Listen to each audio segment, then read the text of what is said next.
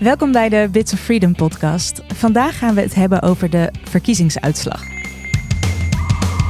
Geen datalekken, achterbakse tracking, geen bizarre wetten, gewoon geen wereldvreemde shit voor het wereldwijde web.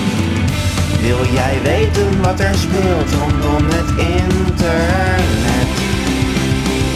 Dit is Bits of Freedom. We moesten er even van bijkomen, de verkiezingsuitslag. Hier op het Bits of Freedom kantoor hebben we het de afgelopen dagen veel gehad over ons werk, mensenrechten in brede zin en de rechtsstaat. PVV is de grootste geworden. Maar NSC en GroenLinks PvdA onderschrijven bijvoorbeeld het digitale stembusakkoord en hebben samen meer zetels dan PVV. Juist door die tegenstrijdigheid is het super moeilijk te voorspellen wat er gaat gebeuren. En we willen daar ook niet te veel over speculeren. Maar we weten wel des te meer dat het nieuwe kabinet digitale zaken niet uit het oog moet verliezen. De verkiezingsuitslag laat zien dat rechtvaardigheid, gelijkheid en mensenrechten niet vanzelfsprekend zijn. En hier zal ook, of misschien juist de komende jaren, keihard voor gevochten moeten worden. De uitslag motiveert ons nog meer om ons hard te maken voor wetgeving die alle burgers beschermt, maar stelt ons ook voor uitdagingen. Ik heb daarom vandaag niet één, maar twee van onze beleidsmedewerkers aan tafel. Reo Zenger. Hoi Reo. Yo, yo, yo. en uh, Nadia Benaisa. Hi Nadia. Hey. En natuurlijk onze directeur Evelyn Austin. Hey Evelyn. Hallo. Evelyn, we gaan het anders doen deze week. We slaan jouw week op het internet even over, want ik ben heel benieuwd. Hoe heb jij afgelopen week in de echte wereld beleefd? Um, wel een beetje hetzelfde als uh, op het internet eigenlijk. Um, het was erg moeilijk om het uh, nieuws uh, een gepaste plek te geven. Um, en ik moest eigenlijk veel denken aan een podcast die ik ooit heb geluisterd over empathie. waarin gesproken wordt over verschillende soorten empathie die er bestaan. en de afgelopen week heb ik meer dan anders wat moeite gehad om um, uit de emotionele empathie te stappen. Um, en in uh, wat dan compassie wordt genoemd. Um, en, en eigenlijk is compassie de meest, de meest productieve. dus het was een uh, ja, leerzame week.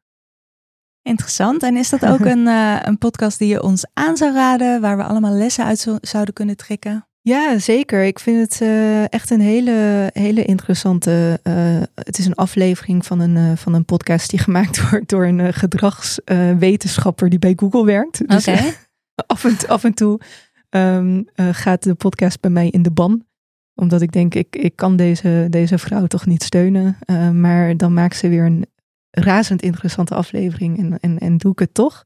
Maar deze um, aflevering waar ik het net over had, is een, um, een interview dat zij doet met een neuroloog. Mm -hmm. uh, die dus veel onderzoek doet naar empathie. En um, een van de belangrijkste dingen die ik daaruit heb meegenomen, is dat we heel veel waarde hechten aan, aan emotionele empathie. Dus als jij nu gaat zitten huilen uh, en ik, ik trek me daar niet zoveel van aan, dan denk jij, nou, die is niet zo empathisch. Mm -hmm. Terwijl als ik in huilen uitbarst, dan denk je, nou, wat een empathische collega Mhm. -hmm. heb ik toch? Um, terwijl die um, uh, emotionele empathie ook heel veel nadelen heeft. Um, dus één hele grote is dat we meer emotionele empathie voelen voor de mensen in onze nabijheid die op ons lijken. Dus dat brengt heel veel gevaren met zich mee. Uh, namelijk, wie zijn dan al die mensen waar we geen empathie voor kunnen opbrengen? Mm -hmm. En daarnaast, en dat is in ons vakgebied uh, ook heel belangrijk, is emotionele empathie de enige die op kan raken. Um, en waardoor mensen burnt out raken. Terwijl als je in andere vormen van empathie kan stappen, die vaak veel meer gaan over wat kan ik daadwerkelijk doen om, om iemand anders leven te verbeteren, uh, daar heb je dat probleem niet. Uh, dus het is voor activisten heel belangrijk om wel die emotionele empathie natuurlijk te laten bestaan en te voelen. Want het kan ook richting geven en um, uh, ergens een bepaald kompas zijn. Um, maar ook om hem af en toe um, uh, even te laten. En dus te kijken, wat kan ik daadwerkelijk gaan doen? Um, en hoe kan ik die manier van uh, compassie of empathie beoefenen? Ja. Interessant. Ik zet een uh, link naar deze aflevering in de show notes. Dankjewel.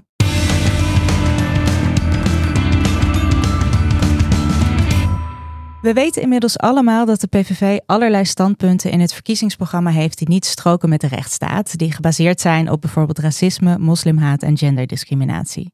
Terwijl NSC's eerste speerpunt is het herstellen van de rechtsstaat. En het tweede punt is bestaanszekerheid, waaronder het verlagen van regelwoede, waardoor burgers in de knel komen. En ook hun speerpunt digitale leefomgeving adresseert NSC expliciet het beschermen van burgers tegen datamisbruik en AI. Nadia, ik hoor jou wel eens zeggen dat Nederland internationaal toonaangevend is wanneer het gaat om fouten maken met algoritme. Wat bedoel je daarmee? Ja, dat is dus best wel gênant. Zeker. Want we werken heel nauw samen met andere digitale rechtenorganisaties. En echt elke keer als er gezocht wordt naar een slecht voorbeeld van algoritmegebruik, dan wordt er naar Nederland gekeken. Uh, want wij hebben genoeg voorbeelden waarmee de gevaren van het gebruik van die technologie heel zichtbaar zijn.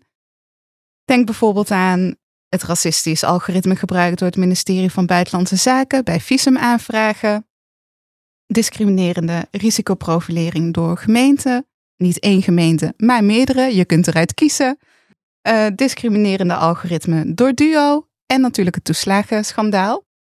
Nou, dan hoop je natuurlijk dat de Nederlandse overheid leert van haar fouten, maar het tegendeel is waar. Discriminerend gebruik van algoritme toepassingen blijven elkaar maar opvolgen. En in Europa zet Nederland zich dan vervolgens in voor voldoende ruimte voor innovatie, geen volledig verbod op biometrische identificatie en geen verbod op AI dat wordt ingezet op migranten, zoals asielzoekers. Dus we doen het al tamelijk slecht. Maar de overheid vraagt om mogelijkheden om het nog slechter te kunnen doen. En leert dus ook echt niet van de, van de eigen fouten. Want het is fout op fout. En het blijft, ja, blijft best wel treurig, vind ik. Nadia, met welke maatregelen voorkom je een volgend schandaal? Of met andere woorden, wat moet er nu echt gebeuren? Ja, dus al deze voorbeelden maken eigenlijk al duidelijk dat de overheid tot nu toe ons recht op privacy en het recht op gelijke behandeling niet heel erg serieus neemt. En nu heeft er een partij gewonnen die het zichzelf als doel heeft gesteld om grondrechten in te perken. Het is nu dus nog belangrijker dat er vertrouwelijk met gegevens wordt omgegaan en persoonsgegevens goed beveiligd en beschermd worden, niet langer bewaard worden dan nodig en natuurlijk, hoe minder gegevens je verzamelt, hoe minder er mis kan gaan.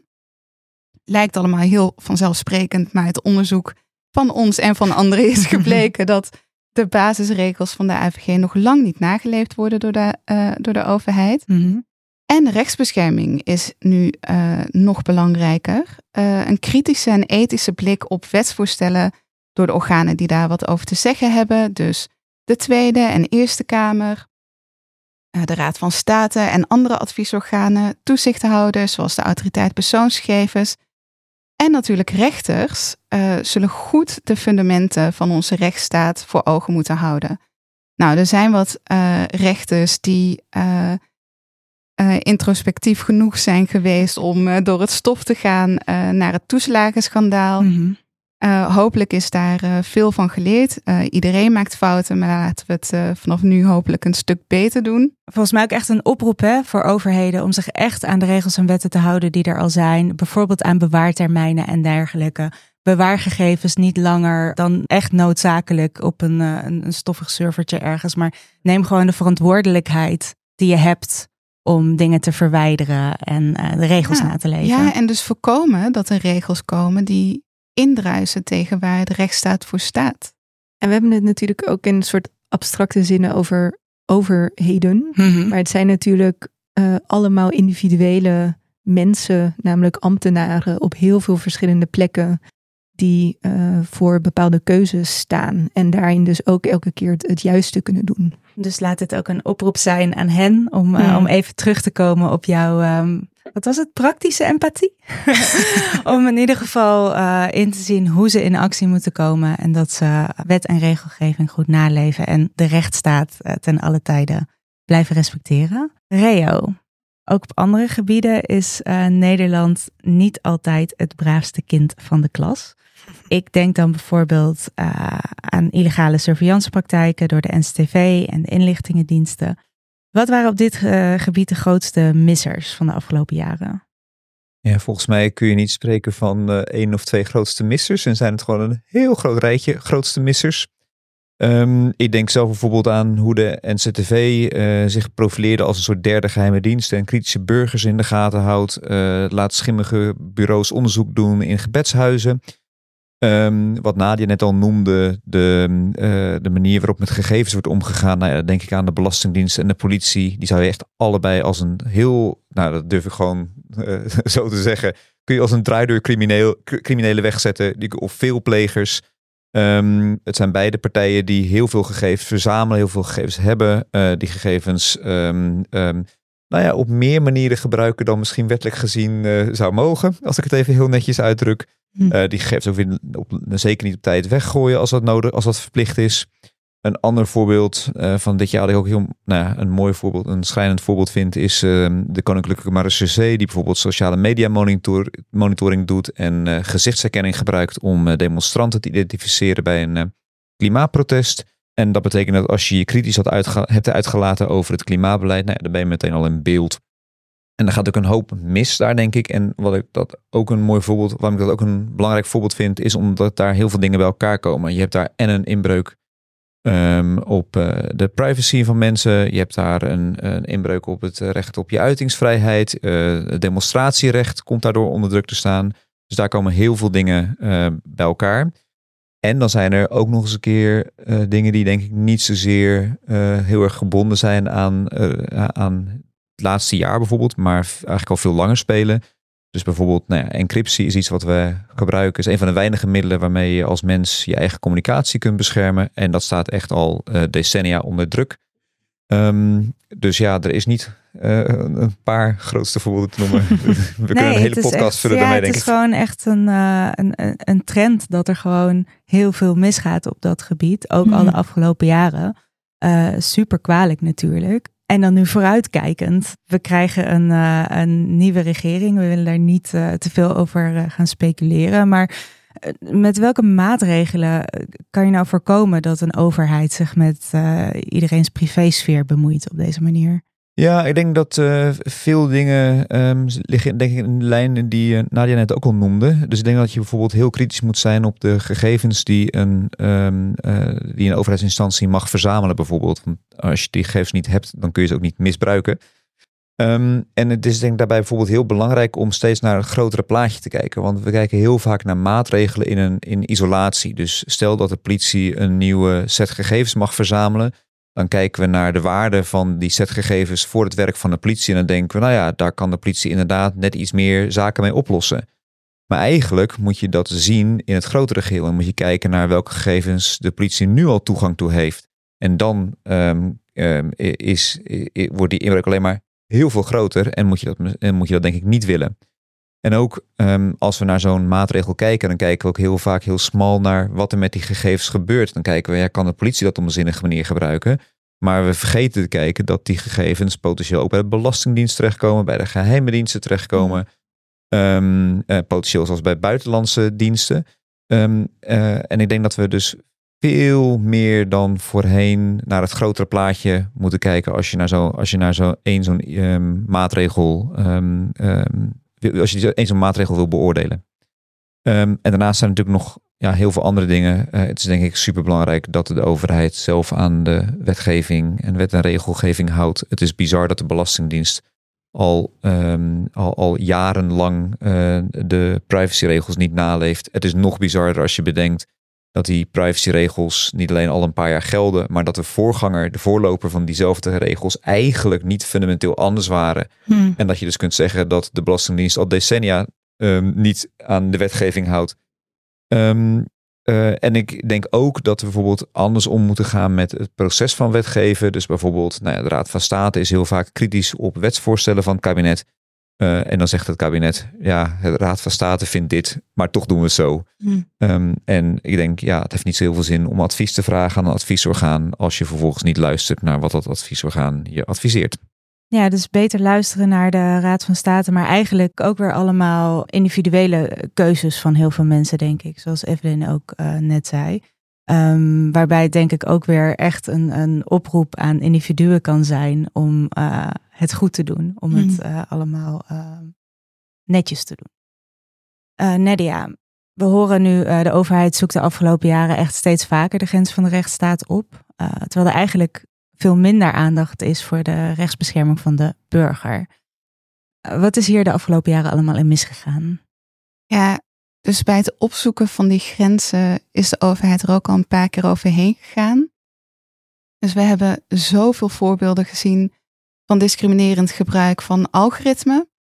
Uh, maar wat we niet hebben gezien is dat ervan geleerd wordt, dat er andere keuzes gemaakt worden, of dat mensen, of dat nou bestuurders zijn of hoge ambtenaren, verantwoordelijk worden gehouden.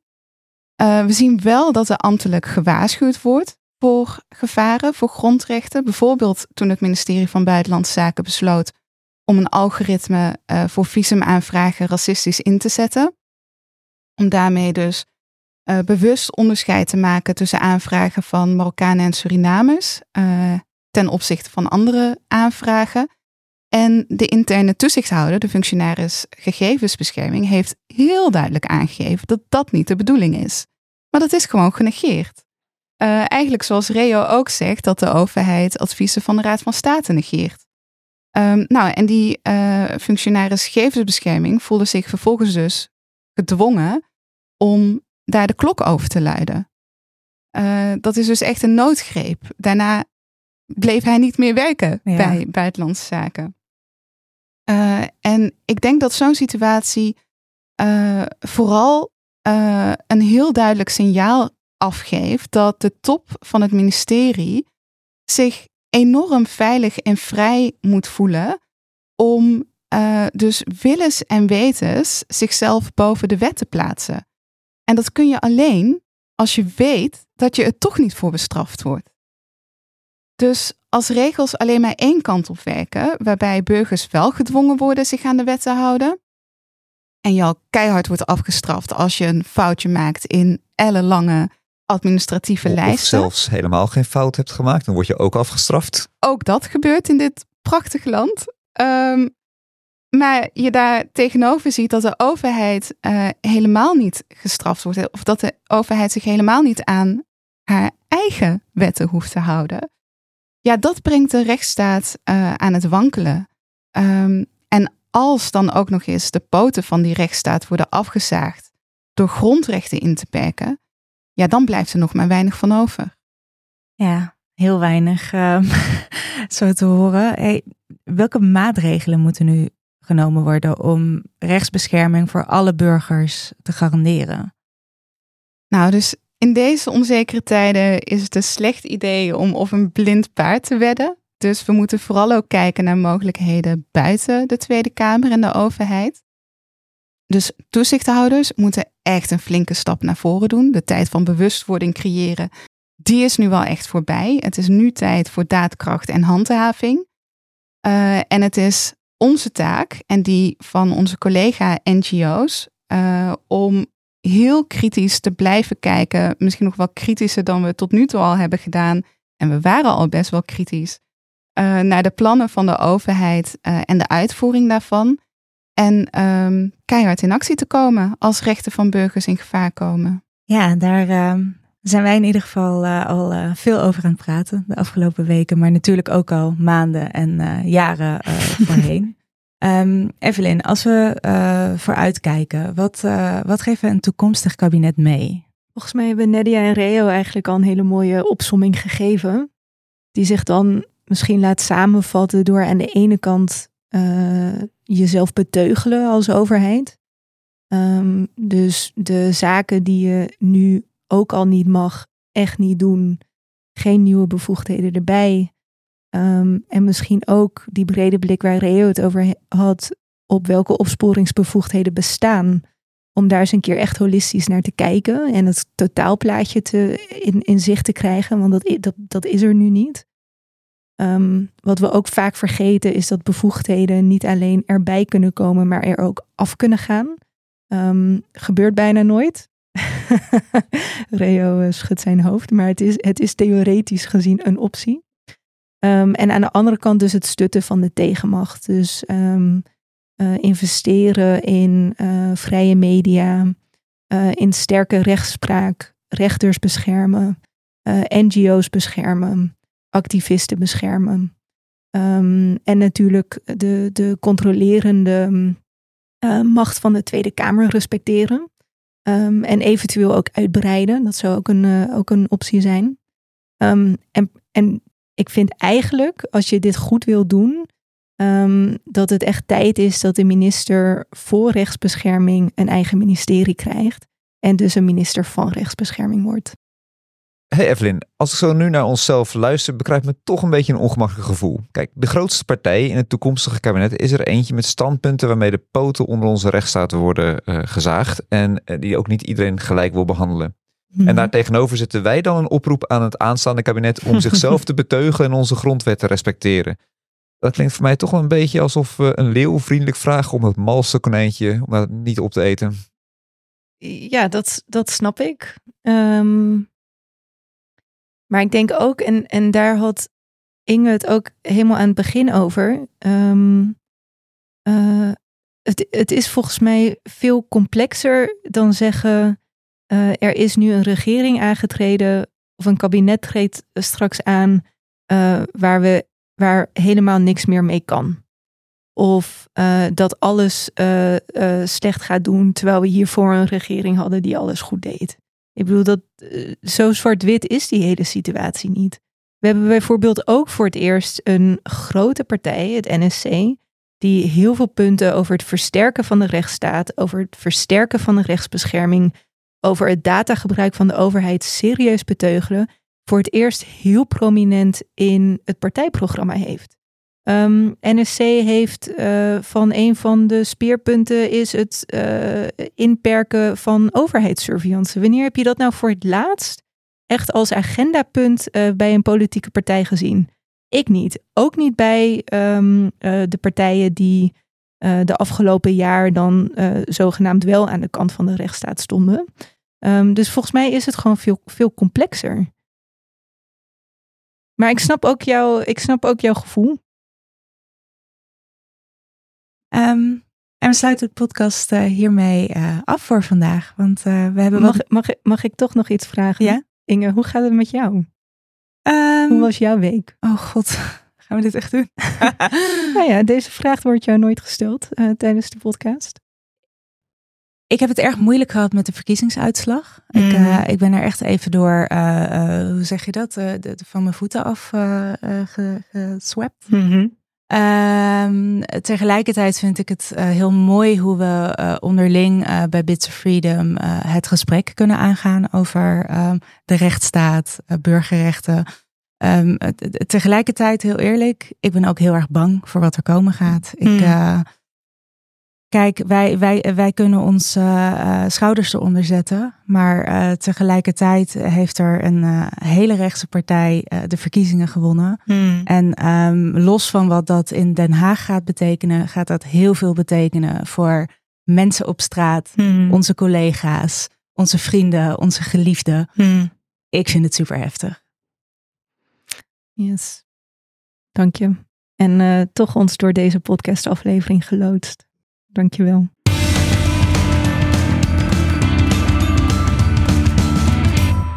Deze podcast werd gemaakt door Bits of Freedom.